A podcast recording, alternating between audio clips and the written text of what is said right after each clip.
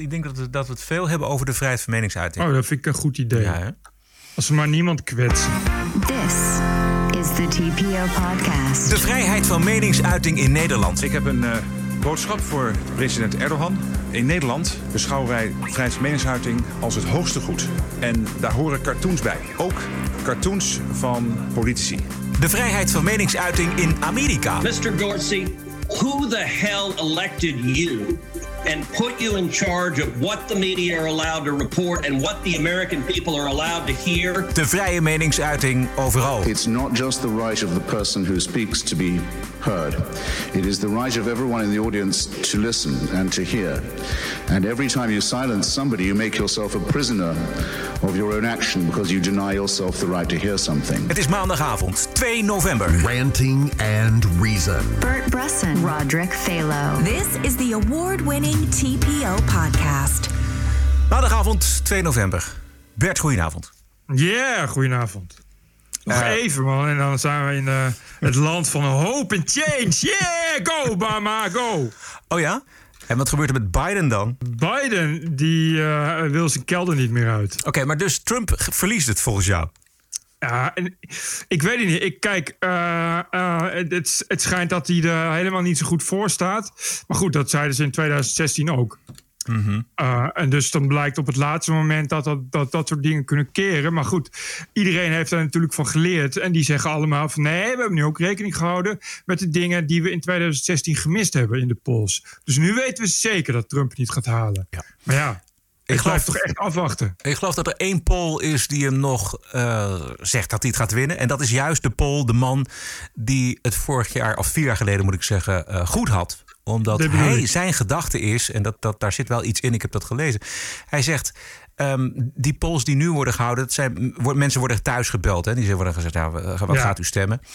En ehm, heel veel mensen zeggen dan niet de waarheid. Want ik met alle berichten over eh, spionage, et cetera, privacy, dan gaan mensen eh, het gewenste antwoord geven. Dus, en dat is het gewenste antwoord is Biden. Dus die polls die zouden volgens hem heel erg vertekenend zijn, net zoals die polls vertekenend waren vier jaar geleden. Maar we, we komen er zo meteen op terug. En ik heb een paar laatste polls, Right. ook van CNN en nog van Fox. Dus we hebben ze een beetje gehusseld en kijken wat daar uitkomt. Vandaag is er dus op Nederlandse scholen een minuut stilte gehouden ter nagedachtenis aan de Franse leraar die is onthoofd om aandacht te vragen voor de waarde van de vrije meningsuiting. Een goede actie, denk ik. Arnhemse burgemeester Marcouch die breekt vandaag een trouw lans voor de vrijheid van meningsuiting en waarschuwt nogmaals eh, tegen de radicale islam, eh, bijvoorbeeld van de salafisten. Salafisten waarover bestuurders als Josias van Aartsen jaren sussende woorden heeft gesproken. Een orthodoxe beleving van het geloof. Dat heeft niets, 0,0 niets te maken met terrorisme of de politieke islam. Gelukkig. Gelukkig, dus dat is een hele geruststelling. Meest opvallende hier in deze regio is, was de imam van de Blauwe Moskee in Amsterdam Nieuw-West. El Forcani. Die zegt dat de vrijheid om de profeet Mohammed te beledigen moet worden ingeperkt met wetgeving. Ja, Daar komt bij dat er steeds minder aandacht is voor islamofobie bij de autoriteiten. Hij Ja. zegt: Ik maak me zorgen waar dit allemaal toe leidt als ik het sentiment onder vooral jonge moslims proef. Profeet wordt beledigd in een context van discriminatie van moslims op de arbeidsmarkt en de beledigingen van moslims. Nou goed, het gaat, zo gaat het maar door. Ik heb het idee dat eh, en nu, en nu weer precies gebeurd is als, als wat er te vrezen viel. Dat je na een aanslag komt er een enorme stroom aan eh, ontkennis en weg met onzes en zelfhaters. Eh, en uiteraard door eh islamofascisten gefaciliteerde, gefaciliteerde meningenbrengers die ons toch vooral komen vertellen dat het toch vooral aan ons ligt. Eh, en ja, dat we toch maar eens respect moeten gaan hebben voor heilige beelden. En niet moeten denken dat we zomaar alles onder vrijheid van meningsuiting kunnen scharen. En eh, dat we inderdaad maar eens op moeten houden met de hele tijd moslims te kwetsen. Zo gaat het elke keer. En zo gaat het dus ook gewoon weer nu. En die uitspraking bijvoorbeeld van El Forcani. eh, eh, ja, ik, dit, je kan er precies hetzelfde zeggen. Eh, na een verkrachting. Het is heel erg, maar meisjes moeten ook eens ophouden met korte rokjes te dragen. Inbreken is heel erg, maar mensen moeten ook eens ophouden met anderen jaloers te maken door alleen maar dure spullen te kopen. Moord is heel erg, maar je kan natuurlijk ook wel eens een keer afvragen of je het niet gewoon soms uitlokt dat je een mes tussen je krijgt. Weet je, dat is, dat is uh, er wederom gewoon weer gaande. En het is echt niet alleen uh, uh, een of andere marionet van de moslimbroeders zoals die Alfokani. Uh, het zijn ook weer de hele gemiddelde, gematigde Nederlanders die dat toch als eerste het allerliefste zeggen. Want ja, het is toch een beetje dat we erbij stil moeten staan dat we ook gewoon heel veel mensen kwetsen. Een voorbeeld daarvan is dominee Dirk Stegeman uit Den Haag. Die zegt het voorstel van uh, El Forkani om na te denken over wetgeving tegen het beledigen van Mohammed zouden we serieus moeten nemen. Die vrijheid van meningsuiting van ons is kostbaar. En dan komt er altijd een komma en een maar. Ja. Ja. Haar doel wordt voorbijgestreefd en onze eigen waarden worden aangetast. Ja. En niet alleen uh, wordt die vrijheid van meningsuiting bedreigd door islamisten, maar ook door hun waterdragers. Zoals daar is de Canadese premier Trudeau. Speaking about blasphemy in France, Trudeau said free speech doesn't guarantee needlessly hurting certain communities. Trudeau said freedom of speech is not without limits and it is necessary to act with respect for others in a civilized society. He said Canada defends freedom of expression but will not endorse shouting fire in a movie theater crowded with people. He said in a pluralist society, it is necessary to be aware of the impact of words, particularly on communities that still experience discrimination. Meanwhile, Indonesia's president said freedom of speech that insults the sacred values of religion cannot be justified. Earlier, Hezbollah's chief said France declared war on Muslims by publishing blasphemous caricatures. Ja, en daarmee ah. zet dit nieuwsbulletin Trudeau in het juiste rijtje, namelijk met uh, de leider van de terreurorganisatie Hezbollah. Exact. Het is, um, als ik het zo uh, goed heb gevolgd, is uh, tot nu toe um, Macron van Frankrijk de enige die uh, ook echt heel erg stelling neemt. En zoveel stelling dat je denkt, dit is in elk geval nog iemand in Europa die het wel snapt. Ja, en, het en voor, de, voor de rest is het een beetje, nou, hoewel, Sigrid Kaag van D66 heeft toch echt het woord islamitisch in de mond genomen bij het veroordelen van islamitisch terrorisme. En dat was een unicum dat iemand van D66 ook echt ineens dingen gaat benoemen. Precies. Macron blijft ook uitleggen wat de vrijheid van meningsuiting is. De discussie gaat over vrijheid. En vrijheid is het tegenovergestelde van onderwerping en onderworpen zijn. Uh, en dat is nou precies wat islam uh, op vrijheid tegen heeft. Vrijheid namelijk. Dat is namelijk alles uh, wat niet in islam zit, is vrijheid. Dat is de reden waarom ze daar zo tegen zijn. En die vrijheid kun je alleen maar verdedigen als je daar ook pal voor blijft staan. En niet als een rietje gaat buigen en meewaaien en inderdaad een komma zet en het woordje maar gebruikt en vervolgens gaat oplepelen waarom het eigenlijk toch niet zo goed is dat er vrijheid is. Want dan gooi je uh, in principe het kindje met het badwater weg. En Macron is dus iemand die dat niet doet. Nee. Dat is iemand die zegt: Ik sta hiervoor, uh, ik sta voor die vrijheid. Ik blijf ervoor staan. En dit is onze vrijheid. En als je dat niet leuk vindt, moet je naar je eigen land gaan. Of een land waar uh, die vrijheid niet is. Maar dit is Frankrijk. En dit blijft Frankrijk. En het blijft Frankrijk op deze manier. Hoe dan ook Punt. Macron blijft rechtop staan. En dat is, valt des te meer op omdat je al die westerse leiders, niet allemaal, maar wel een aantal, inderdaad ziet buigen. Zoals een, een Trudeau, de progressieve Trudeau, die gewoon doet alsof hij de vrije meningsuiting wil verdedigen, maar eigenlijk schaft hij hem af.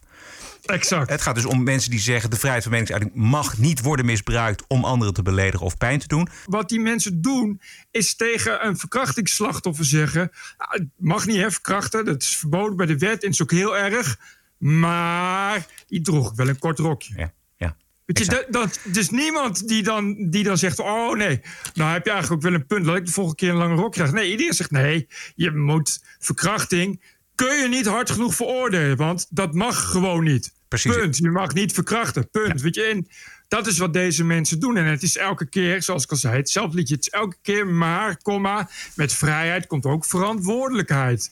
Je mag wel alles zeggen, maar het hoeft niet. Vrijheid betekent niet dat je zomaar altijd alles mag zeggen. Vrijheid van meningsuiting betekent niet vrijheid van beledigen en kwetsen. Met vrijheid komen ook grenzen. Er zijn ook grenzen aan de vrijheid van meningsuiting. Die grenzen moet je wel in het oog houden. Vrijheid van meningsuiting betekent samen vrijheid vieren. Dus ook samen respect hebben voor elkaar. Bladi, bladi, bladi, bladi. Het is marchanderen met regels en marchanderen met je, met je eigen waarden. Dat is het. Uh, Canada die heeft natuurlijk wel een reputatie als het gaat om de begrenzing van de vrije meningsuiting. Uh, de afdeling hate speech is de laatste jaren flink opgerekt. We kennen allemaal de confrontatie van onder meer Jordan Peterson met eh, Bill 6, uh, 16, C16. Om mm -hmm. de zogenaamde transgenders te beschermen door hij en zij als aanspreekvormen uit te bannen. Dat gebeurt. Um, ja, ja, dat, dat gebeurt. Het is goed dat je dat even bij zegt. Dat gebeurt. Ja. Um, Canada is tegelijkertijd het land waar ook naar mijn mening de mooiste reden in verdediging van de vrije meningsuiting gehouden is op 15 november 2006 in Toronto door de Brits-Amerikaanse journalist en auteur Christopher Hitchens. Um, ik wil twee stukjes daaruit laten horen, omdat er zulke essentiële dingen worden gezegd. Uh, ten eerste uh, dat de vrijheid van meningsuiting niet alleen het recht van de een is om te zeggen wat hij te zeggen heeft, maar dat het ook behelst het recht van de ander om te horen wat er gezegd wordt. It's not just the right of the person who speaks to be heard.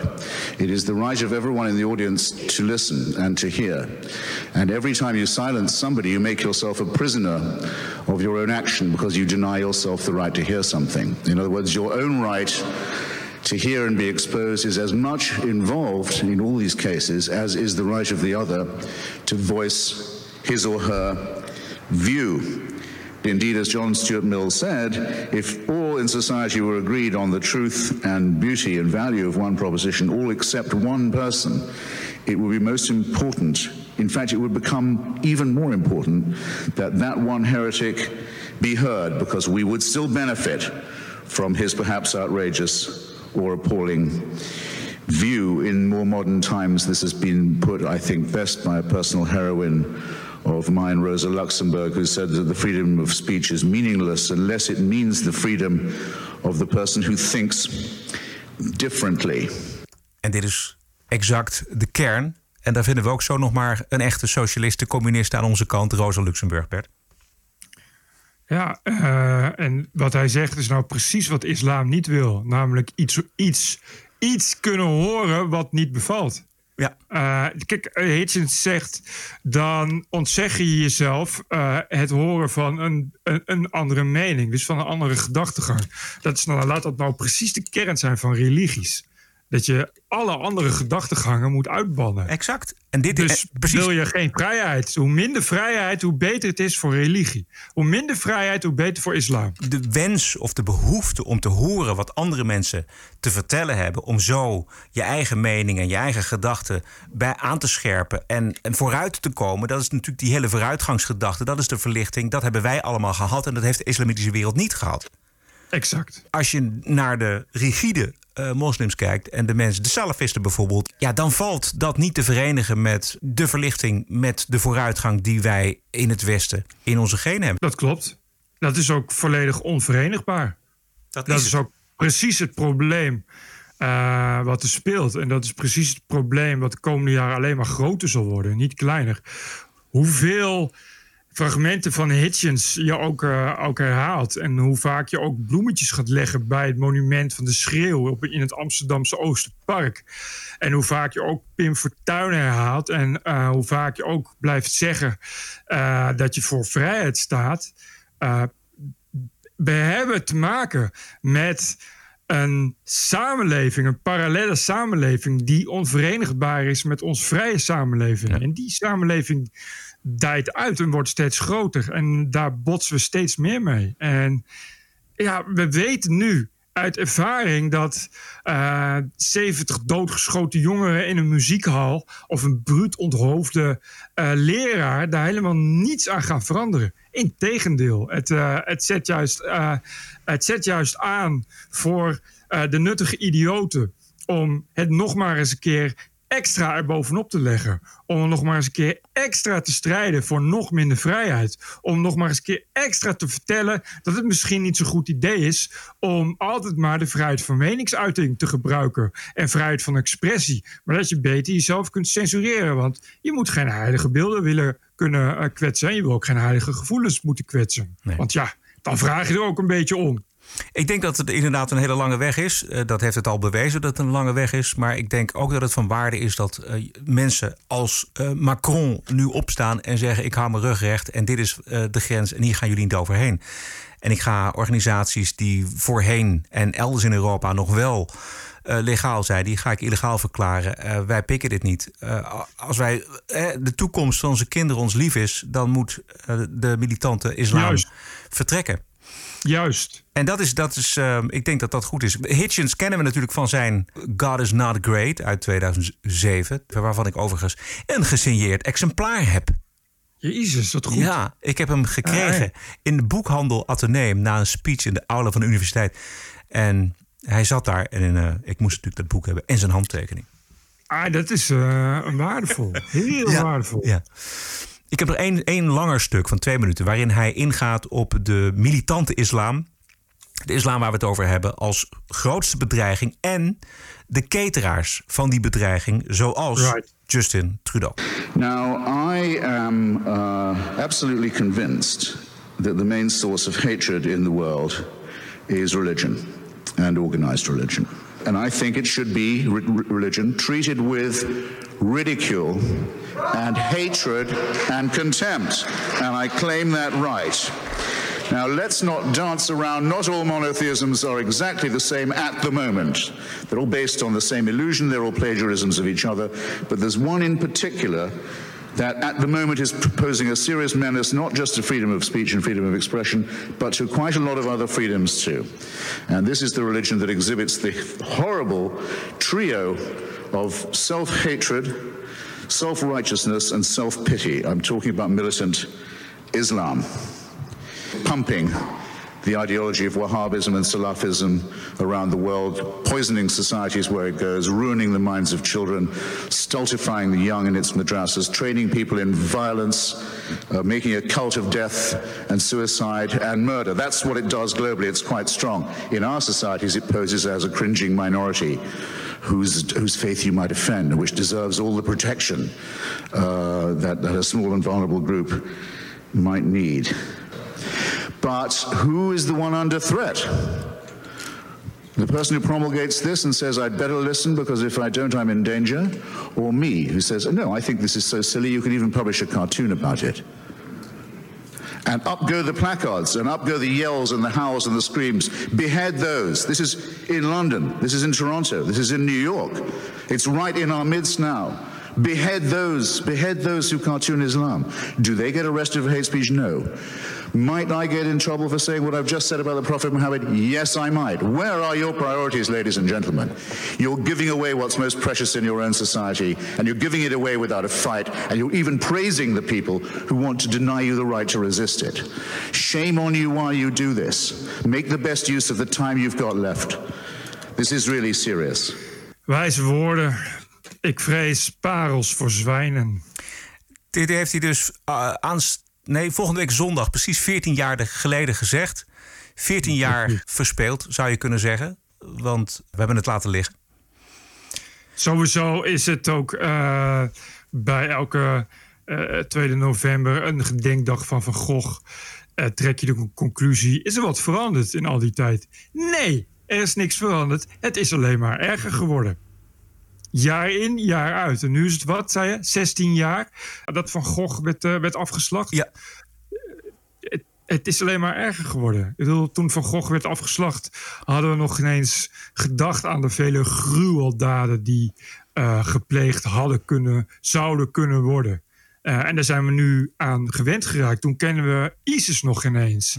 Uh, toen kennen we de horrorbeelden nog niet van uh, van, van, van de martelingen en de vernederingen en de verschrikkelijke executies van ISIS. En toen kenden we nog niet uh, de manier waarop uitgerekend kinderen bij een popconcert op de gruwelijkste manier werden getarget. Eh, en toen wisten we nog niet dat mensen in het hartje van vrijheid, gelijkheid en seculariteit, namelijk Parijs, konden worden ingesloten in een, in een muziekcentrum en moeiteloos konden worden geëxecuteerd, één voor één. Toen konden we dat nog ineens bedenken. Nu is het 16 jaar verder en hoeven we dat niet meer te bedenken omdat het al gebeurd is. En we weten allemaal, en ik, ik denk dat iedereen dat wel weet, dat het alleen maar erger gaat worden. Want uh, op hier en daar een Macron na. En op hier en daar een opiniemaker na.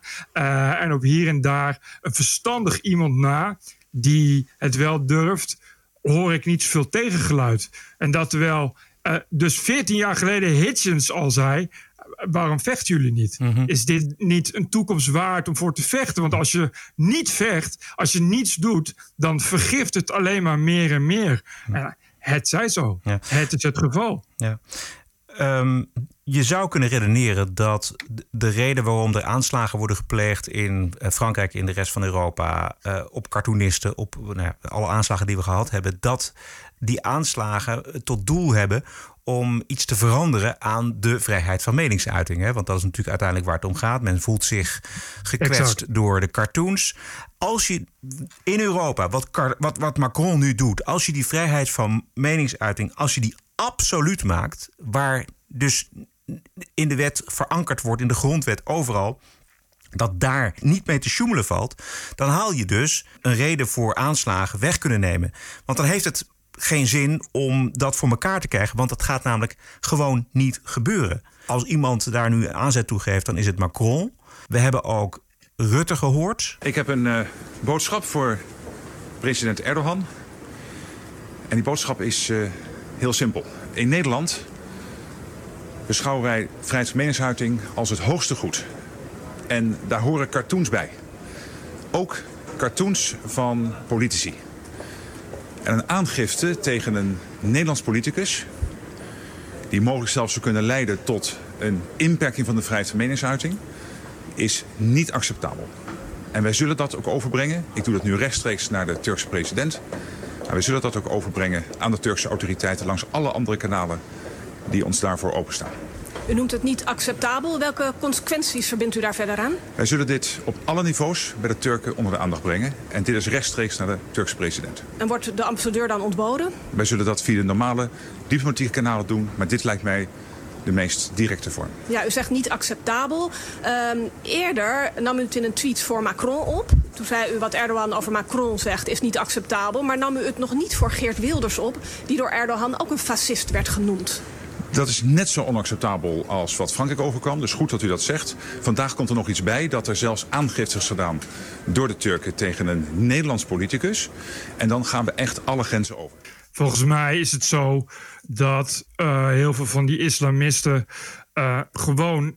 Het, het is wraakzuchtige cultuur. Uh, als je de profeet beledigt, dan moet je worden gestraft. Dus, dus of er nou absolute vrijheid van meningsuiting is of niet. Elke keer dat de profeet wordt beledigd. Of elke keer dat hun fantastische religie ook maar wordt gekrenkt. Worden ze boos. En, en, en tuurlijk, uh, het is een voordeel voor, uh, zeker als je het hebt over door uh, uh, islamisten aangestuurde terreur. Dus, dus voor van die types die in Syrië zitten en hier cellen aansturen. Tuurlijk wil je dan die terreuraanslag zo bloedig en gruwelijk mogelijk, want je wilt natuurlijk met die terreur iets bewerkstelligen. En wat zou er mooier zijn dan dat inderdaad dat vrije Westen op een dag zegt: we stoppen met onze vrijheid. Weet je, dat, dat is natuurlijk pure winst. Het, is het gaat gewoon niet weg als je zegt van... oh ja, maar de, de, de vrijheid is absoluut. Elke keer als er dan uh, iemand een cartoon tekent... of iets zegt over de religie van vrede en tolerantie...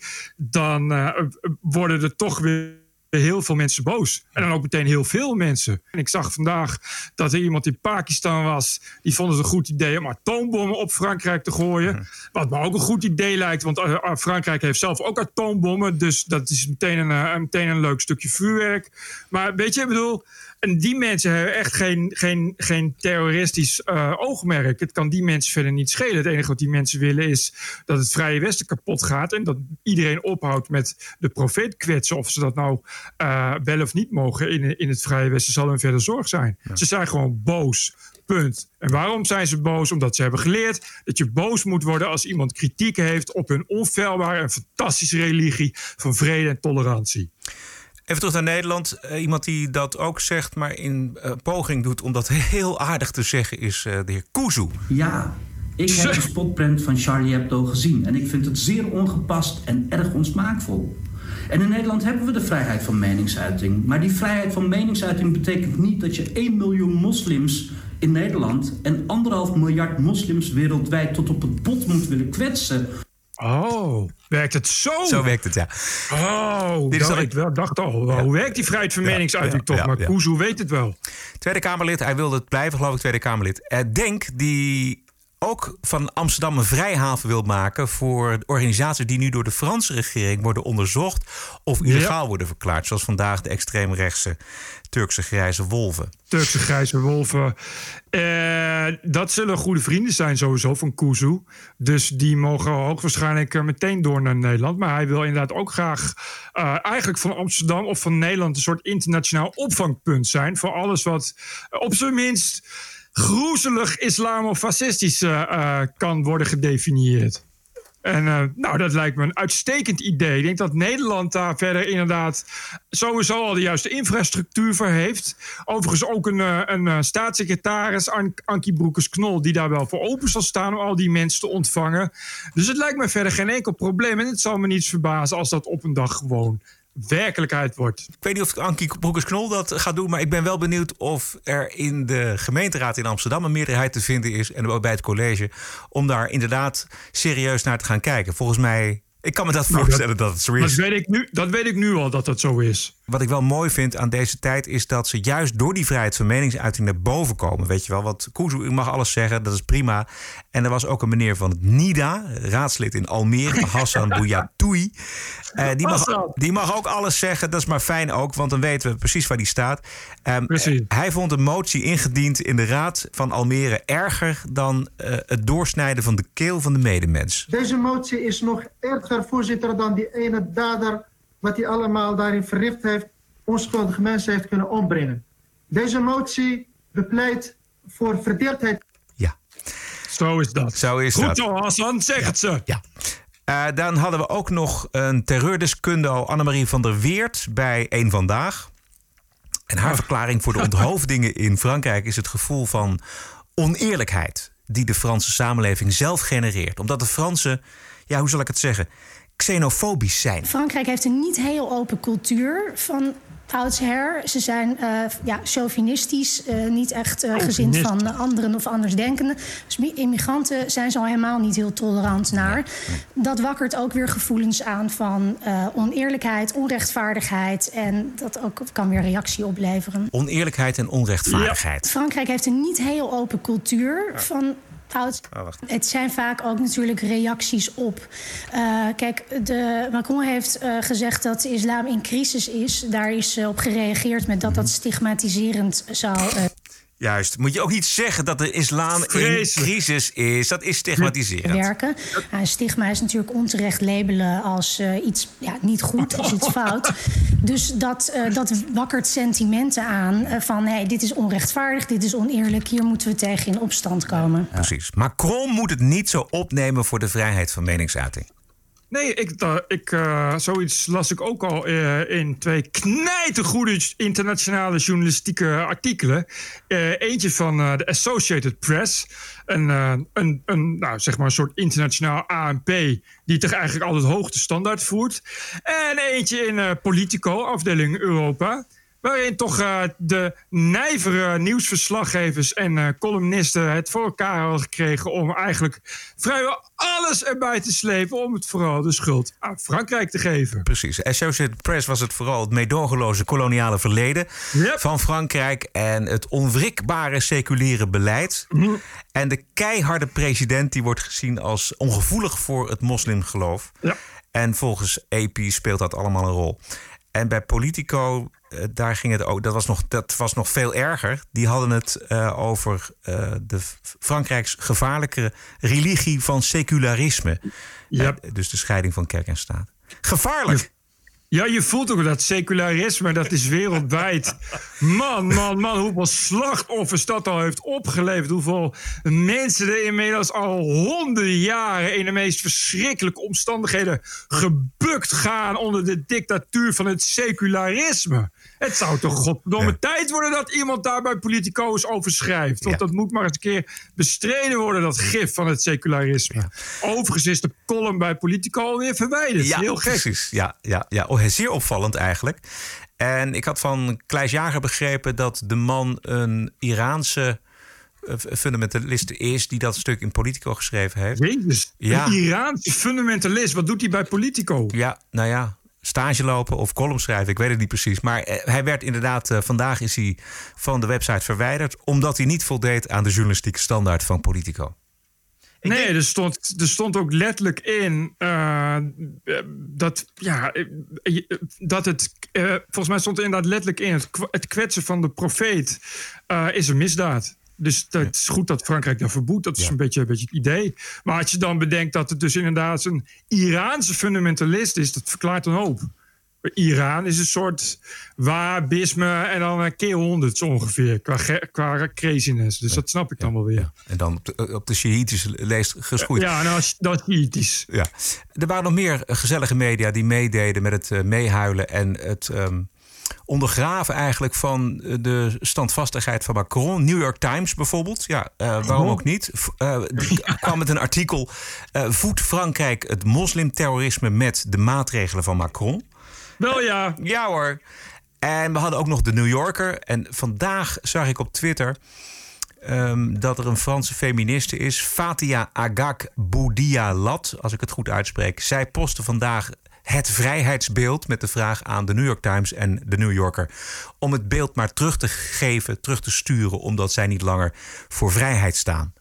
is inderdaad een goed idee. Dat, was vind ik een echt, goed dat idee, zou ja. een goed idee zijn. Ja.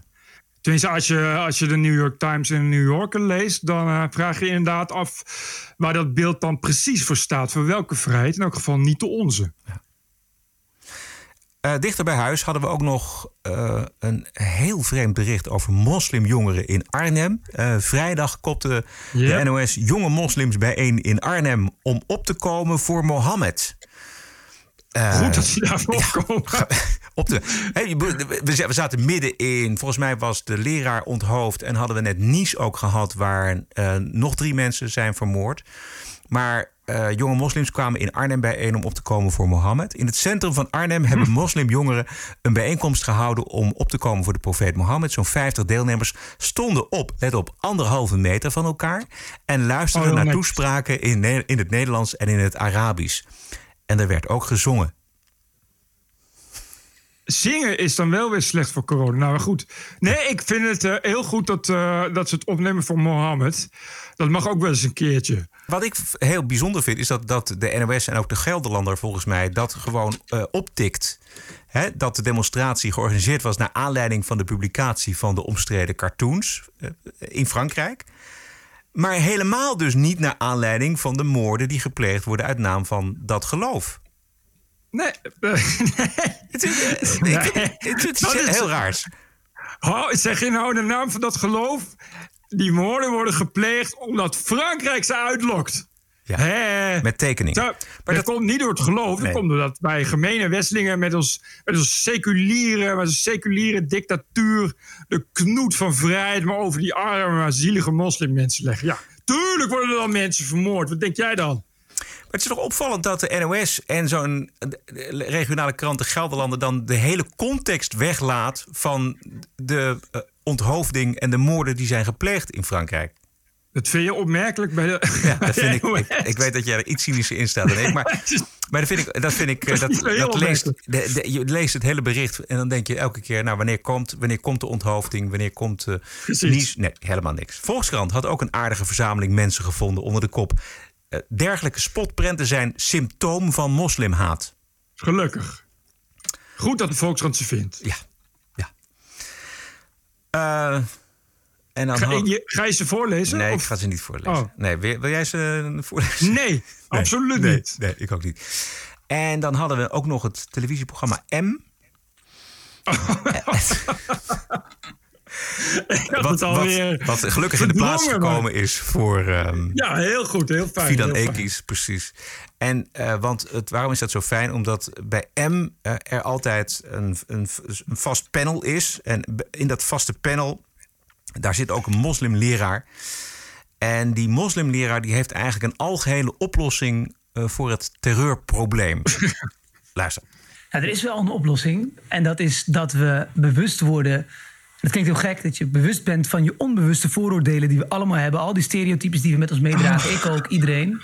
Ehm, en dat we, dat we weten dat we die hebben. Hè? Dus als we denken aan iemand die geradicaliseerd is, dat we denken aan een man met een zwarte gewaad en een, en een, en een zwarte baard die een mitrailleur eh, in zijn hand heeft. Dat we denken: oké, als dat hetgeen is wat ik in mijn hoofd heb, laat ik eens in gesprek gaan met mensen die er anders uitzien dan ik. De dialoog met elkaar opzoeken als je die vooroordelen hebt over een bepaalde bevolkingsgroep. Algehele oplossing voor het terreurprobleem. Dit verzin je gewoon niet serieus. Echt, maar als je, dit laat, als je dit laat horen zonder te vertellen waar het van is, denk je echt dat je naar satire aan het luisteren bent. Ongelooflijk dat het nog bestaat. Weet je wat er volgens mij gebeurt, eh, voor zover ik de Nederlandse televisie een beetje ken, is dat er aan zo'n tafel, aan zo'n talkshowtafel, eh, iedereen de neiging krijgt om het midden en de liefde op te zoeken, maar niet het debat. Dus deze man wordt ook helemaal niet aangepakt. Dat zou je zeggen, wat zullen we nou krijgen? Weet je wel, waar gaat dit over? Nee, iedereen zit dan inderdaad goed zo, vind ik ook. Inderdaad. Iedereen zit mee te knikken. Ze willen gewoon een, een verbindend geluid laten horen. Ja, maar ik, mensen willen graag deugen. En, en mensen zijn bang. Dus op het moment dat ze ergens zitten en ze horen dit geluid, gaan ze meeknikken. Want anders moeten ze opstaan en zeggen: Nou, ik ben het hier niet mee eens. En dan zeggen ze: Waarom ben je het niet mee eens? Omdat ze dan zeggen: Nou, eh, ra- islam en een radicale islam en een vrijheid is misschien niet echt iets om, om dan al meteen maar verbinding mee te gaan zoeken. En eh, nou ja, als je zo'n hoofd op straat ziet liggen, denk je ook niet meteen echt aan dialoog is. Ja, dan moet je dus gaan verdedigen en lig je eruit. Ja, ik, ik wil.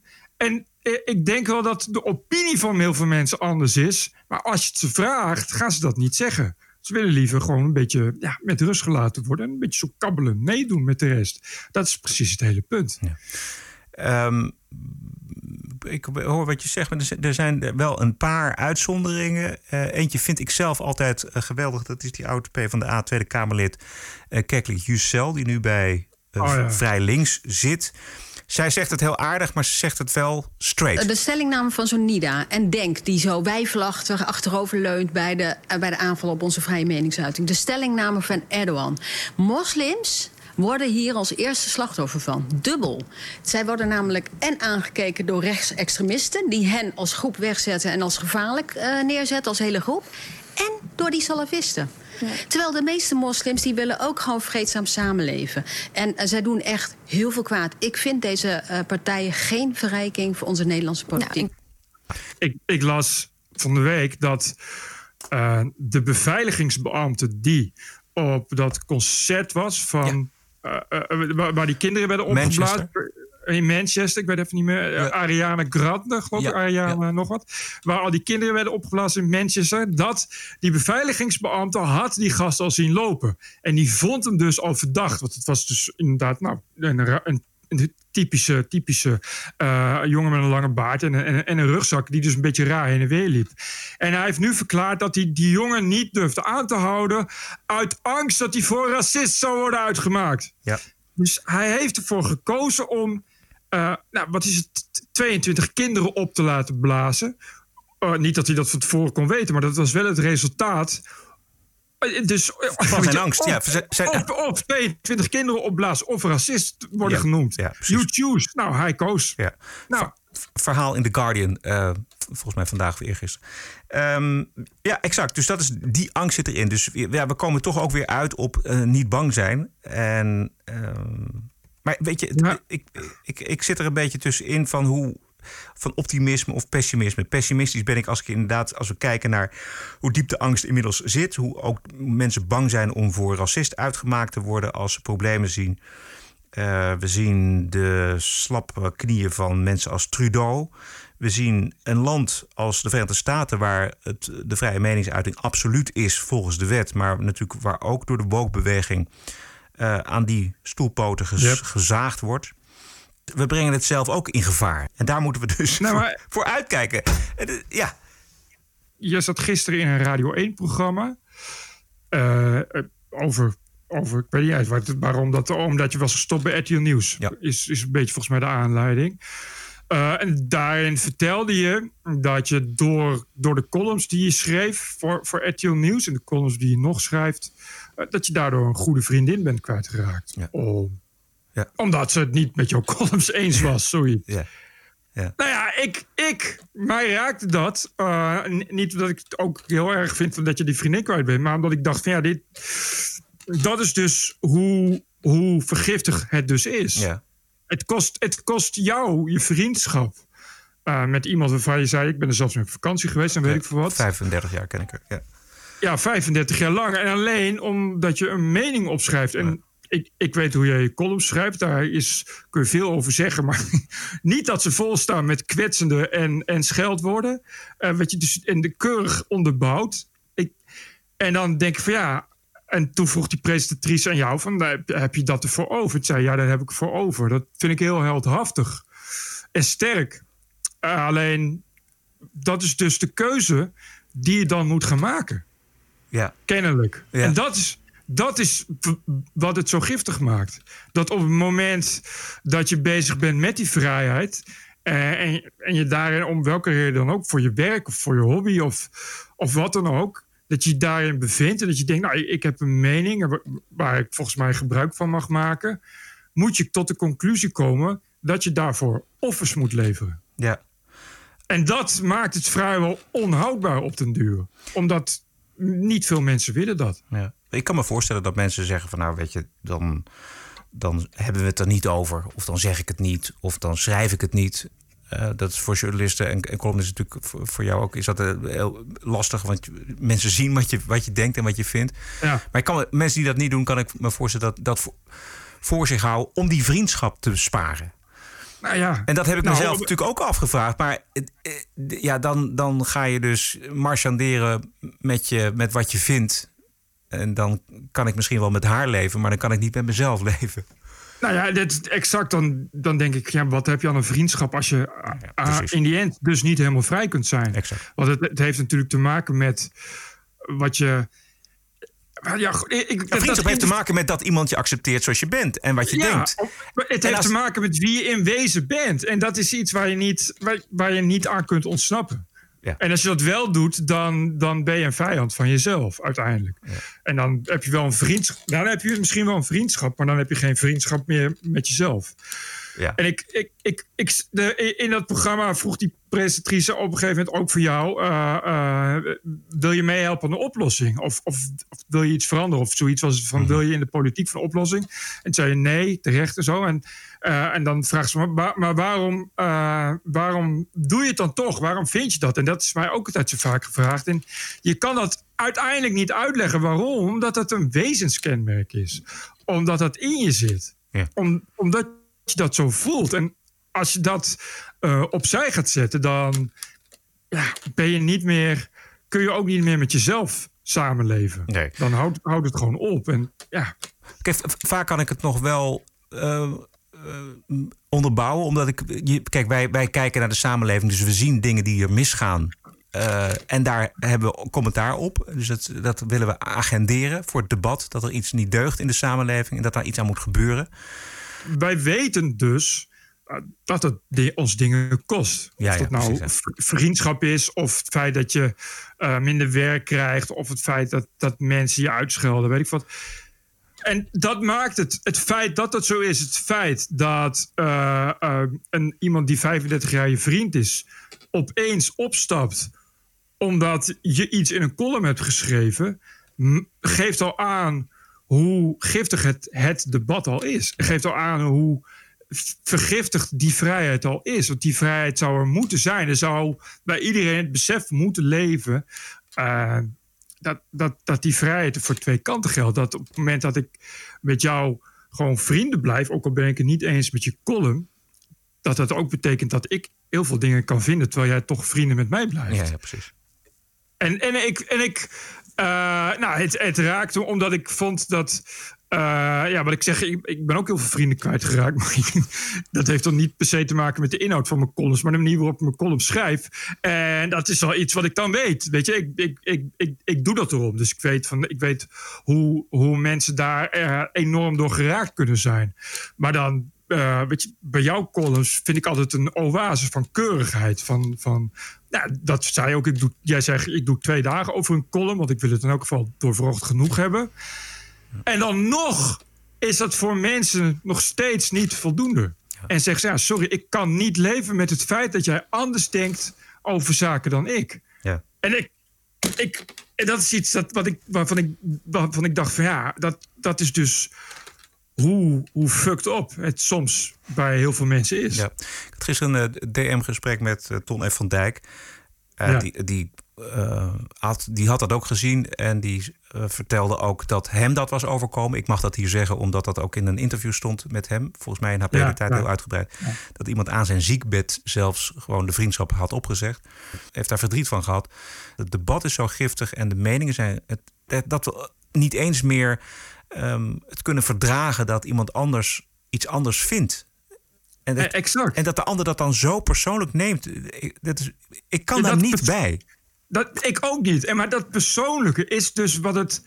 Ik, het, en dat is dus het gevaar. Dat is dus waardoor die vrijheid steeds weer in het, in het gedrang ja. komt. Omdat uh, hoe, hoe persoonlijke mensen het vinden, hoe meer ze gekwetst zijn. En uh, uh, laten we wel wezen, die vriendin van jou gedraagt zich natuurlijk net zo als een gekwetste moslim. Ja. Ik, ik, nou ja, ze blaast zichzelf niet op, dat scheelt. Maar eh, ik bedoel, het zijn niet langer meer meningen. Het zijn uh, persoonlijke, ja, persoonlijke aanvallen. En dat is nog tot daar toe. Dat, als je daar, daar kun je nog over uitkomen. Maar kennelijk bestaat er bij mensen inmiddels de opvatting dat je bepaalde dingen moet, moet vinden, omdat je anders niet meer menswaardig genoeg bent om mee om te gaan. Ja, het, de kern, het kernwoord is onverdraagzaam. Het is, dat het, is onverdraagzaam. De ander kan niet verdragen dat een vriend iets anders vindt dan, dan zij. Natuurlijk zijn er grenzen aan. Weet je, je, je sommige mensen die uh, zijn ineens zo wappie of die gedragen zich zo raar dat er niet meer normaal mee om te gaan is. Dat, dat, is, wat, dat is wat anders. Maar ja, gewoon een mening die nou, jouw columns kennen, gaat het over politiek of zo, weet je wel, of over economie. Niet, niet dat je zegt van, nou, als dit je mening is, dan uh, weet ik wel hoe gevaarlijk het is als ik de volgende keer bij jou in de huiskamer zit. Nee, het is echt, ja. helemaal, het, verder verandert het niets aan je als persoon. En dat is al kennelijk ook al, al persoonlijk. Ja. ja en dat is het gif. Ja. Zei jij nou dat je uh, wel eens expres uh, probeert mensen van je af te duwen met het schrijven van bepaalde dingen in een column? Nee, dat zei ik niet. Oh. Wat ik zei is. Uh, ik, wat ik bedoelde te zeggen, ik weet niet of ik het zei, maar wat ik bedoelde te zeggen is uh, dat ik weet hoe, hoe ik ben, dat ik weet hoe ik schrijf en dat ik weet uh, hoe ik me gedraag. Ik ben een, een, emotioneel opvliegerig type, dus ik kan wel eens een stuk gemener schrijven of keihard schelden, puur uit emotie. Mm -hmm. Maar ja, ik ben dan ook iemand die dan zegt van ja, dan moet je ook niet graag opkijken als mensen dan zeggen: Ik ben er nou al een keer zat met dat gescheld. To de doe. Dat begrijp ik dan wel. Dus dat, zo bedoel ik te zeggen dat ik, ja, ja. ik, ik, ik, ken mezelf. Uh, maar dat is niet, ik doe dat niet om mensen per se van me weg te duwen. Maar nee. je moet wel, vind ik, ook. Uh, wel je moet natuurlijk wel altijd beseffen wat je doet. Ja. Uh, en je, je kan daarmee leven of niet. Dat is, dat is je eigen keuze. En ik kies ervoor om daar dan mee te leven. En ik, ik kan mezelf dan of niet inhouden, of ik wil het niet, of beide. En nou ja, goed, dat, dat kost me dan heel veel. Ja. Maar goed, dat is dan. En ga je dat nog repareren dan? Dat kan soms. Ja, uh, en meestal kan dat. Uh, dat heeft natuurlijk ook te maken met het feit dat uh, emoties kortdurend zijn. En dat heel veel mensen emoties ook wel begrijpen. Ja. en mensen vaak een stuk minder, uh, een stuk minder uh, gekwetst, tenzij het moslims zijn misschien, maar een stuk minder gekwetst zijn door jouw emoties dan dat je zelf denkt, omdat ze nou helemaal zelf ook wel emoties hebben. Dus, dus, uh, en bovendien, als je het drie keer doet, dan weten mensen zo wel zo'n beetje wie je bent. Dus dan kun je het gerust nog 30 keer doen, want ja, ja dat, zal, dat zal Bert Brussel wel zijn. Ja, ja Weet je, dus dat zal, dan op een gegeven moment is dan natuurlijk ook. Nee, ja, precies. We, we weten wie het is. Dus, nou ja, de dorpsgek, laat maar lekker lullen. Die, Morgen heb je een pilletje weer. Kleine, en is alles weer goed. Bert, je, dat, Bert heeft een klein hartje. Ja, ja. ja, nee, precies. Maar de, dus, dus kun je dat repareren. Maar uh, dat is dus weer heel wat anders dan dat je puur, zoals jij je column schrijft, weet je, dat is een, een, een keurige, courantwaardige column. Niet? Ik bedoel, Het is keurig opgebouwd, keurig je mening uiteengezet met een conclusie. Lang over nagedacht. En, en, ja, lang over nagedacht. En vaak vind ik geen spel tussen te krijgen. Dat zullen anderen anders vinden. Maar je hebt in elk geval je best gedaan om daar voldoende argumenten op een rij te zetten. Ja, en als je daar dan door geraakt bent, ik vind ja, dat is, dat is raar. Dan ben je dus geraakt door, door iets wat uh, zomaar inderdaad een waarheid kan zijn en die jou dan niet bevalt. En kennelijk mag dat niet, die waarheid. We gaan naar de Woke Week, Bert. Yes. Waarom niet? Waarom niet? I was offended and I have rights. TPO Podcast. You're an adult. Grow up. Deal with it. In de Wokweek uh, bekijken we mensen, bedrijven en instanties die zich een slag in de ronde draaien om te voldoen aan de eisen van het postmoderne, van de slachtoffercultuur, van de identiteitspolitiek, die um, ja, met alle geweld uh, wordt opgedrongen aan ons. Um, ik heb niet een hele lange lijst, maar ik vond wel een aardige. Volgens mij heb jij die opgestuurd dat ABN AMRO eist dat sportsclubs uh, die de bank sponsort snel een einde maakt aan ongelijkheid tussen mannen en vrouwen. Bij clubs die dit niet inzien, gaat de geldkraan uiteindelijk dicht. En dat is toch wel een hele bijzondere manier van bankieren en van het kapitalisme. Dus Ja. de bank gaat nu bepalen of jij geld krijgt of niet op basis van of je eh, iets doet aan gelijkheid in je, in je sportclub. Kijk, de subsidieverstrekker deed het al. Maar dan kon je nog zeggen, nou, ik, ik, ik, ik heb geen subsidie nodig. Ik ga wel naar de bank. Nee, nee, nee, nee, nee. Dan ben je de lul. Want nu gaat ook de bank het doen. Ja. Zij schrijven ongelijkheid in de hockeysport bijvoorbeeld en de samenleving noemt ABN AMRO een hardnekkig probleem. Ongelijkheid in de hockeysport? Vrouwen in de tophockey verdienen gemiddeld 5 tot 10 keer minder dan mannen, stelt Oh. de bank. Meer dan 80% van het sponsorgeld gaat naar de mannen. Vrouwen hebben minder faciliteiten tot hun beschikking en de bestuurslagen in de sport worden gedomineerd door mannen. Dit terwijl twee derde van de hockeyers vrouwen is. En dit is natuurlijk ook voor de bühne bij ABN AMRO. Ik denk dat ze blij zijn dat ze iets gevonden hebben om zich te profileren eh, in de Wokweek. Eh, dat is ze gegund. Maar opeens komt het er. Hè? Het, is, het is jarenlang afwezig geweest. Alle aanleiding was er. We hebben een, eh, een eerste, een tweede, een derde feministische golf gehad. Hadden ze allemaal kunnen inhaken? Nee. Nu de woke-revolutie zo'n vlucht neemt, moet ook ABN AMRO mee. Een bank ook, hè? Notabene Ja, de. ABN AMRO. De ABN AMRO die we toch kennen van, eh, ja... Van uh, graaien hier en, van graaien hier en uh, uitverkopen tegen hoge tarieven voor de di- directeur en daar. Ja. Dat dan toch uitgerekend een bank nu het morele geweten gaat spelen. Dat is toch uh, Ja. fascinerend. Heel fascinerend. Maar ik trap er toch niet helemaal in, geloof ik. Nee. Ik, denk, ik denk eerlijk gezegd niet dat de mensen die de ABN AMRO leiden... eh, heel erg veel geïnteresseerd zijn in gelijkheid en inclusiviteit. Ik denk het tegenovergesteld. Dus ik denk dat de ABN AMRO hier eh, liegt alsof het gedrukt staat. Dat denk ik ook. En het aardige zou zijn, dat heb ik eh, niet gedaan, maar we kunnen dat misschien voor de volgende keer bekijken. Is dat ze het nu hebben over sportverenigingen. Dat is lekker makkelijk, want aan sportverenigingen, daar verdien je niet zoveel aan. Maar ik ben benieuwd of ABN Amro ook die gelijkheid doortrekt naar grote bedrijven en investeringen, waar ze wel een hoop geld aan verdienen. Misschien kunnen we eens kijken naar de gelijkheid in de vastgoedsector. Om maar eens even wat te noemen. Ik ben heel benieuwd wat ABN AMRO dan allemaal gaat verkondigen. Namelijk. Begrijpt u het? De TPO-podcast. Een eigenzinnige kijk op het nieuws en de nieuwsmedia. Elke dinsdag, elke week, het hele jaar door. Zonder reclame, zonder een cent subsidie. 100% onafhankelijk. Wat is het jou waard? Word lid van de TPO-tribe. Kies zelf een bedrag of kies 52 euro per jaar. En dat is maar 1 euro per week. De TPO-podcast. Wat is het je waard? Ga naar tpo.nl slash podcast. Ja, we gooien dat natuurlijk allemaal om eh, vanaf deze week. Want we zijn er vanaf deze week niet één keer per week, maar Ja. twee keer per week. We zijn er namelijk ook vrijdag aanstaande. En dat blijven we volhouden tot we erbij neervallen misschien wel. Ehm, twee keer per week. En dat betekent dus eh, dat eh, je niet één euro per week kwijt bent, maar misschien wel twee euro per week. Als je dat ervoor over hebt. En anders andere bedragen. En die andere bedragen, die zitten er ook tussen, Bert, of niet? Eh, ja, er zitten soms eh 2500 euro tussen. Goeie maar genade, te ja. Ja. En die moeten nu eh, twee keer per week 2500 euro gaan meer. Dus dat tikt lekker aan. Eh, even kijken. Hallo Bert en Roderick. Zojuist een donatie overgemaakt voor jullie podcast. Ik kreeg echt een bericht dat de donatie naar TPO is gegaan. Waar ik overigens al op geabonneerd ben. Het zal wel goed zijn, maar toch even checken. Ik geniet erg van jullie podcast. Eindelijk een heerlijk commentaar op de situatie in deze gekke wereld. Groet Ron. Nou Ron, ik kan je vertellen, die donatie staat op mijn rekening. Nee, komt dat goed? Want hij, Eh, ja, hij doneert nee, niet voor niks natuurlijk. Hè? Ja, ik, ik, eh, ik moet, moet even, want dat kan ik dus dan niet zien. Want dat is dus het probleem als je er niet, niet via de, de donatielink voor Podcast. Oh, Dan kan ik niet zien dat die voor TPO Podcast is, maar ik kan hem er wel uitvissen. Dan moet ik even, even zoeken. Edwin Wolfers. Hoi Bert en Roderick. Ik heb zojuist 30 euro overgemaakt. Als luisteraar van het eerste uur zou, eigenlijk, zou ik eigenlijk meer moeten doneren. Maar ik ben tevens een zuinige ridder die nog even moet wennen aan het idee voor iets te betalen wat ook gratis te verkrijgen is. Dat, eh, dan wat betreft mijn motivatie. Jullie podcast is een verademing. Ik zit op dagelijkse basis met volle verbazing nieuwsberichten te lezen... waarvan ik weet dat alleen de TPO-podcast hier de juiste aandacht aan besteedt.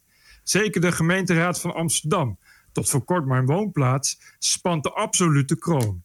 Het is bij de konijnen af hoe deze prachtige stad te grabbel is gegooid... en goed dat jullie hier bovenop zitten. Dank en heel veel succes. Het vriendelijke groet Edwin Wolfers. Edwin, dankjewel. Eh, ik stuur even door, want er zit een PSje bij, die moet je even lezen. Oké. Christian Roos. Eh, beste Bert en Roderick, wanneer ik dit schrijf, zijn jullie morgen allebei jarig. Oh, dat is mooi. Vanaf deze plek van harte gefeliciteerd met alweer een baantje rondom de zon. Zojuist een bescheiden donatie gedaan voor een taart en een naakte stripper. 32 en 19 jaar oud. Ik zou het jullie niet geven. Blijkbaar houdt het wekelijks maken van een podcast je jong en fris. Maak er een mooie dag van, mannen. Elke dinsdag open ik met veel plezier mijn Spotify-app om jullie podcast te beluisteren. Het is een verademing om te luisteren naar een maatschappijkritisch geluid, wat ik mis in de mainstream media en wat maakt dat ik ook steeds minder vaak afstem op de NPO. De TPO is als een klein dorpje in het oude Gallië. Lees de MSM. Een kleine nederzetting. De TPO bleef moedig weerstand bieden aan de overweldigers. Met behulp van luisteraars en donateurs werden zij oersterk en over- onoverwinnelijk bij Tautatis. Ik zou het echt geweldig vinden als jullie een gast weten te strikken die haak staat op het geluid wat jullie wekelijks laten horen. Ik noem een Francisco van Jolen, een Chris Klomp of een Leo Lucassen. Wat een historische aflevering zou dat worden met veel vuurwerk. Maar of dat ooit gaat gebeuren betwijfel ik, aangezien TPO immers voor geen meter deugt. Heren, heel veel succes met jullie podcast. En met mij hebben jullie een trouwe luisteraar gevonden. Met vriendelijke groet, Christian Roos. Christian, dankjewel. En wat een ontzettend leuk idee eigenlijk. Ja, Fra- Francisco van Jolen en Chris Kromp gaat niet gebeuren, kan ik je vertellen. Leo Lucas, dat Eh, zou nog kunnen. Die, die... Leo Lucas er wel, dat lijkt me best ja, grappig. ja die, is, die is nog wat te porren, inderdaad. Pieter Sipkes. Heren, van harte gefeliciteerd met jullie beide verjaardagen. Hierom zojuist twee keer 15 euro extra overgemaakt... naast mijn maandelijkse donatie voor de podcast. Deze zal ik overigens binnenkort herzien... gezien het feit dat jullie ook tweemaal zoveel werk gaan steken in de podcast. Ik ben benieuwd. Hartelijke groet, Pieter Sipkes. Pieter, dankjewel. En de laatste is van Paul Knuivers. Beste Bert en Roderick. Bij deze mijn tweede donatie. Hartelijk dank voor de vermakelijke podcast. En bij deze ook de groeten aan jullie man in New York. Lekker bezig, Kees. Oh, dat is Kees Honig, bedoelt hij waarschijnlijk. Lekker bezig, Kees. Groeten, Paul Knuivers. We willen geen advertenties, we willen geen subsidies. We zijn onafhankelijk geluid. En wij maken dat, we bieden dat aan als u dat accepteert. En u vindt het leuk, u vindt het waardevol. Uh, dan mag u dat uitdrukken, die waardering, in een donatie. En ga daarvoor naar tpo.nl slash podcast. This is us. This is our country. This is CNN Breaking News. I believe that the president is literally an existential threat. Stop the hammering out there. Who's got a hammer? Make America great again. New York Times and CNN have also smeared veterans like myself. This video was taken during a heated exchange with an unidentified man who called Cuomo Fredo. Stop the hammering. This is the TPO podcast. News 630 WMAL, Washington. Wat wordt het spannend. Tomorrow, the candidates will fight for the 270 electoral votes needed to win the White House. Which states are the ones to watch that could make or break this election? Juist, en dat zijn de cruciale staten. Uh, Ohio, Iowa, Florida, Pennsylvania, Texas. Ik heb even gekeken, Bert, wat de stand van zaken vandaag op dit moment is.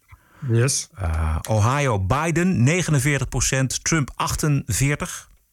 Hm. Dat scheelt niet veel. Iowa, Biden 41, Trump 48. Hm. Loopt hij voor. Florida, Biden 47, Trump 44. Pennsylvania, Biden 50, Trump 46. En Texas, Biden 46 en Trump 48. Hm. Tja. We, het is puur wachten. Ik las dat de Amerikaanse kiezer helemaal gek wordt van alle informatie. Want het gaat natuurlijk eigenlijk al vier jaar nergens anders over. Ja, precies. Uh, maar nu moeten ze. Um, ze worden helemaal overvoerd en ze kunnen het niet meer behappen. Ik heb zelf ook een beetje het uh, gevoel. Ik weet niet hoe het met jou zit, maar ik denk van nou, laat maar komen die verkiezingen. We gaan het zien. Uh, ik ook, want het is, het is, zoals je nu hoort, sowieso een margin call. Ja. Uh, dus, en, en ja, kijk, al die peilingen. We hebben in 2016 gezien hoe je dat enorm mis kan hebben.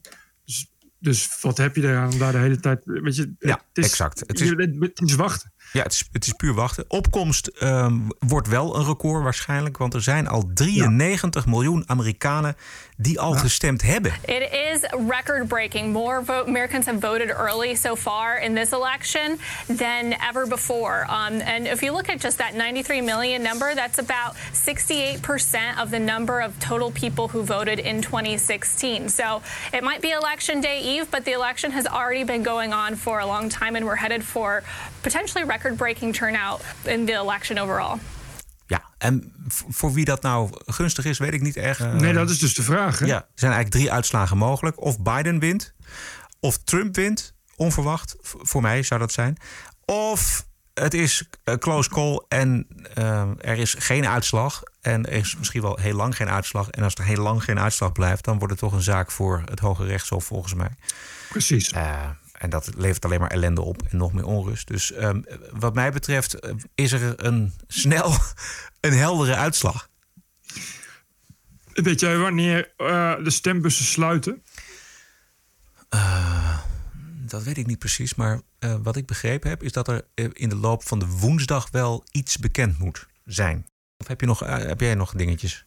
Dat censureren van de New York Post op een onwaarschijnlijke schaal. Hè, ze hebben uh, toen zelfstandig heeft Twitter besloten dat de informatie uh, die New York Post had gepubliceerd over, over Biden, dat die afkomstig was van gehackte e-mails. Uh, waarop de New York Post zei: ik, wij weten van niks. Hoe kom je er dan bij dat het gehackte e-mails zijn? Daar is geen antwoord op gekomen. Mhm. Vervolgens hebben ze uh, de be bewuste, ik geloof dat het drie tweets waren. Bewuste tweets hebben ze uh, uh, on ondeelbaar gemaakt, op slot gezet. En vervolgens het hele account van de New York Times uit de lucht New, gehaald. New York Post. No, New York Post, sorry. New York Post uit de lucht gehaald. wederom zonder dus te specificeren uh, uh, wat er dan gehackt aan is. Want dat, dat het gehackt was, is onderdeel van een, van een policy. Hè. Je, mag geen, uh, ja, je mag geen criminele dingen delen, dus ook geen informatie. Geen gehackte informatie. Hm. daar heeft heel lang geduurd. New York Post heeft gezegd: we gaan niets aanpassen, we gaan niets terugtrekken. Dat werd wel gezegd: als je, het, als je die tweets weghaalt, kun je weer terug. Gaan we, heeft New York Post niet gedaan. Vervolgens is die Jack heeft, is voor een hoorzitting moeten komen van wie was dat? Ja, was Cruz was dat. Cruz, ja. Ted Cruz. Waarop die Jack hele rare dingen zei. Want hij ontkende het, zeg maar, uh, dat die tweets, die drie tweets, waren uitgeschakeld. Ja. Uh, en uh, hij heeft gezegd, hij heeft daarna ineens die, het account van New York Post weer teruggezet, weer opengemaakt en ook die tweets vrijgegeven. En hij heeft gezegd van ja, we hebben onze policy aangepast. Wat heel raar is, wat echt heel raar is. Ja. Ja. Het klopt gewoon niet. En de, die gast deugt gewoon niet. Nee. Hij was ook op die, op die, op die hearing. Wat hij wat die zei en hoe hij overkwam. was echt, was echt, echt iets mis mee. En de conclusie eigenlijk van die Ted Cruz was de volgende: Mr. Dorsey, who the hell elected you? And put you in charge of what the media are allowed to report and what the American people are allowed to hear. Exact. Het is gewoon, het is zo'n zware censuur, vond ik. Ja op, op, maar dus op basis van, van, geen, van geen reden. Er is gewoon nooit antwoord op gekomen. Van waarom wordt het geblokt? Ja, omdat het gehackte informatie is. Hoe kom je erbij dat het gehackte informatie is? En daar komt gewoon geen antwoord op. En dat maakt het doodeng. Ik, ik weet niet wat er precies de reglementen zijn. Maar jij zegt dat ze die hebben aangepast naar aanleiding van uh, de New York Post. Ah, nee, ah, nee, uiteindelijk hebben ze, het, hebben ze het aangepast waardoor ze het weer konden vrijgeven. Dus ze hebben zichzelf uh, in, hun voet, in hun voet geschoten door zich te beroepen op die reglementen. En die hebben ze dus maar dan maar weer moeten aanpassen. Okay. Zodat ze het konden vrijgeven. Maar dat was dus volgens mij pas uh, na die hoorzitting, direct na die hoorzitting, dat het ineens anders was. Maar dan is het hun wel de, het vuur aan de schenen gelegd. Ja, dat is dus ook zo. Ja. Dat is al dus, dat, wat, dat kan ik me goed voorstellen. Het is natuurlijk wel echt wereldnieuws geworden. Ja. En kijk, die, kijk die, die New York Post is natuurlijk net als alle andere tabloids, zijn dat altijd hele grote jongens. Ja. Die, die een enorme massa kunnen optrommelen. En dat ga je voelen. En die, de beurswaarde van Twitter uh, loog er ook niet over. Toen, nadat dat, dat gebeurd was. Je, je, je vertrouwen bij beleggers verdampt natuurlijk waar je Ja, bij staat. ja. Dus dat ga je voelen. Ja, ja. dat is weer goed aan het kapitalisme. Ja, ja, precies. Ja. Voor iedereen die. eh, Ik moet ook denken aan The Paper. Heb je die film gezien? Dat is ook zo'n heerlijke journalistenfilm. The Paper. Waar gaat hij over? Ja, zoek maar op. Ik heb hem wel gezien, geloof ik, maar ik weet dan niet meer weer waar die over gaat. De New York Post is, staat daar eh, model voor. En dat gaat over een schandaal in New York. En daar speelt. eh, nou ja, dat is een heerlijke. Voor mensen die houden van journalistenfilms. The Paper. Goed, dan hebben wij nog een bonusquote. Ja. This is the TPO podcast. Ja, de bonusquote is een terugblik op de afgelopen vier jaar president Trump. Als we de mainstream media willen geloven, is het de afgelopen vier jaar vooral oorlog geweest. Donald Trump's war on elements of his own government. Trump's war on absentee ballots. Trump's war on Fauci. President Trump's war on face masks. Trump's war on world order. Donald Trump's war on women. Trump's war on science. Trump's war on children. President Trump's war on the truth. Trump's war on reality. Trump's war on institutions. Trump's war on his own executive branch. Donald Trump's war on the FBI. Donald Trump's war on the FBI. Trump's war on Jeff Sessions. President Trump's war on Obamacare. Donald Trump's war on law enforcement. Trump's war on China. Trump's war on the whistleblower. Trump's war on the Freedom Caucus. President Trump's war on the NFL. Trump's war on Amazon. Trump's war on trade. Donald Trump's war on intel. Trump's war on the intelligence community. Trump's war on intelligence. Donald Trump's war on immigrants. Trump's war on immigrant labor. From President Trump's war on the press. President Trump's unprecedented first year war on the media. Trump's war on the media. War on the media. War on the press. War on the media. Trump's war on the media. Coming up in our next hour, Trump's war on the media continues. Donald Trump's war on justice. Trump's war on justice. Donald Trump's war on justice. Donald Trump's war on justice. Donald Trump's war on justice. Trump's war on the justice system. President Trump's war on Christmas. En dat voor een president Jeetje. die geen oorlog begonnen is. Een van de meest unieke presidenten in de geschiedenis van Amerika. Is hij niet ook al twee keer genomineerd voor de Nobel Vredesprijs? Precies. Het is wel, als je het zo achter elkaar zet, is het wel echt hilarisch, Ja. moet ik zeggen. Eh, tot zover deze TPO-podcast. We zijn te vinden op iTunes, op Spotify, Soundcloud en natuurlijk op tpo.nl. Zeer veel dank voor de ondersteuning van deze aflevering 198. Vrijdag zijn we terug, ergens in de middag denk ik, Bert. Als we vrijdagochtend gaan opnemen, dan heb jij het dan 's smiddags af. Ja, dan heb ik het wel af, 's middags. Maar jij hebt toch niks meer te doen nu. Ha! Ehm, eh, wij hebben dan commentaar natuurlijk op de uitslag eh, van de verkiezingen voor zover bekend. Schrijven kan naar info.tpo.nl en waarderen kan op tpo.nl slash podcast. Niet vergeten, we zijn terug vrijdag 6 november. Stay cool en tot vrijdag. Tot vrijdag en four more years. TPO Podcast. Bert Bruson, Roderick Balo, Ranting and Reason.